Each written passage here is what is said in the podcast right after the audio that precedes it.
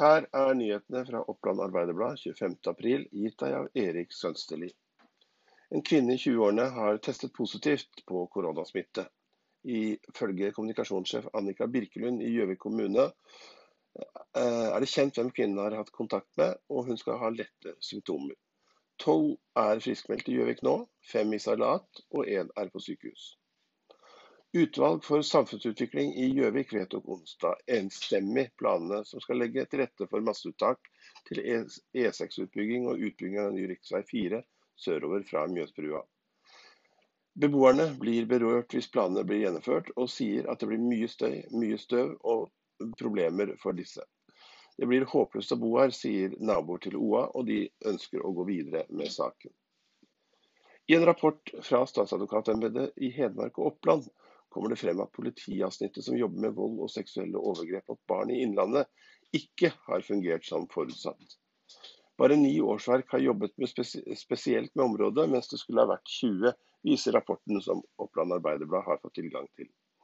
Elin Saga Kjørhold, seniorrådgiver hos Barneombudet, mener at politiets arbeid med vold- og overgrepssaker mot barn nedprioriteres. og Det samme gjør overgrepsofre og deres støtteorganisasjoner i et intervju med GD.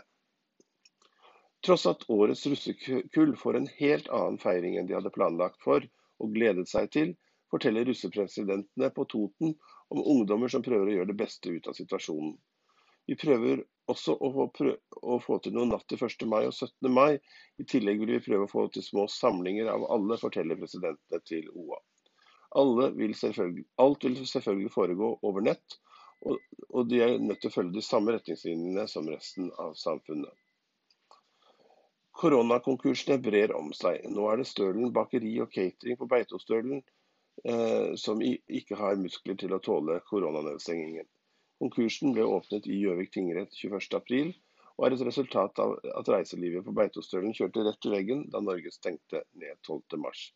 Over 700 selskaper i Vest-Oppland eh, har måttet permittere som følge av eh, koronasituasjonen.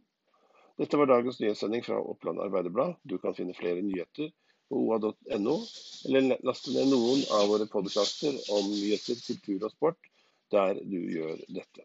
På gjensyn i morgen.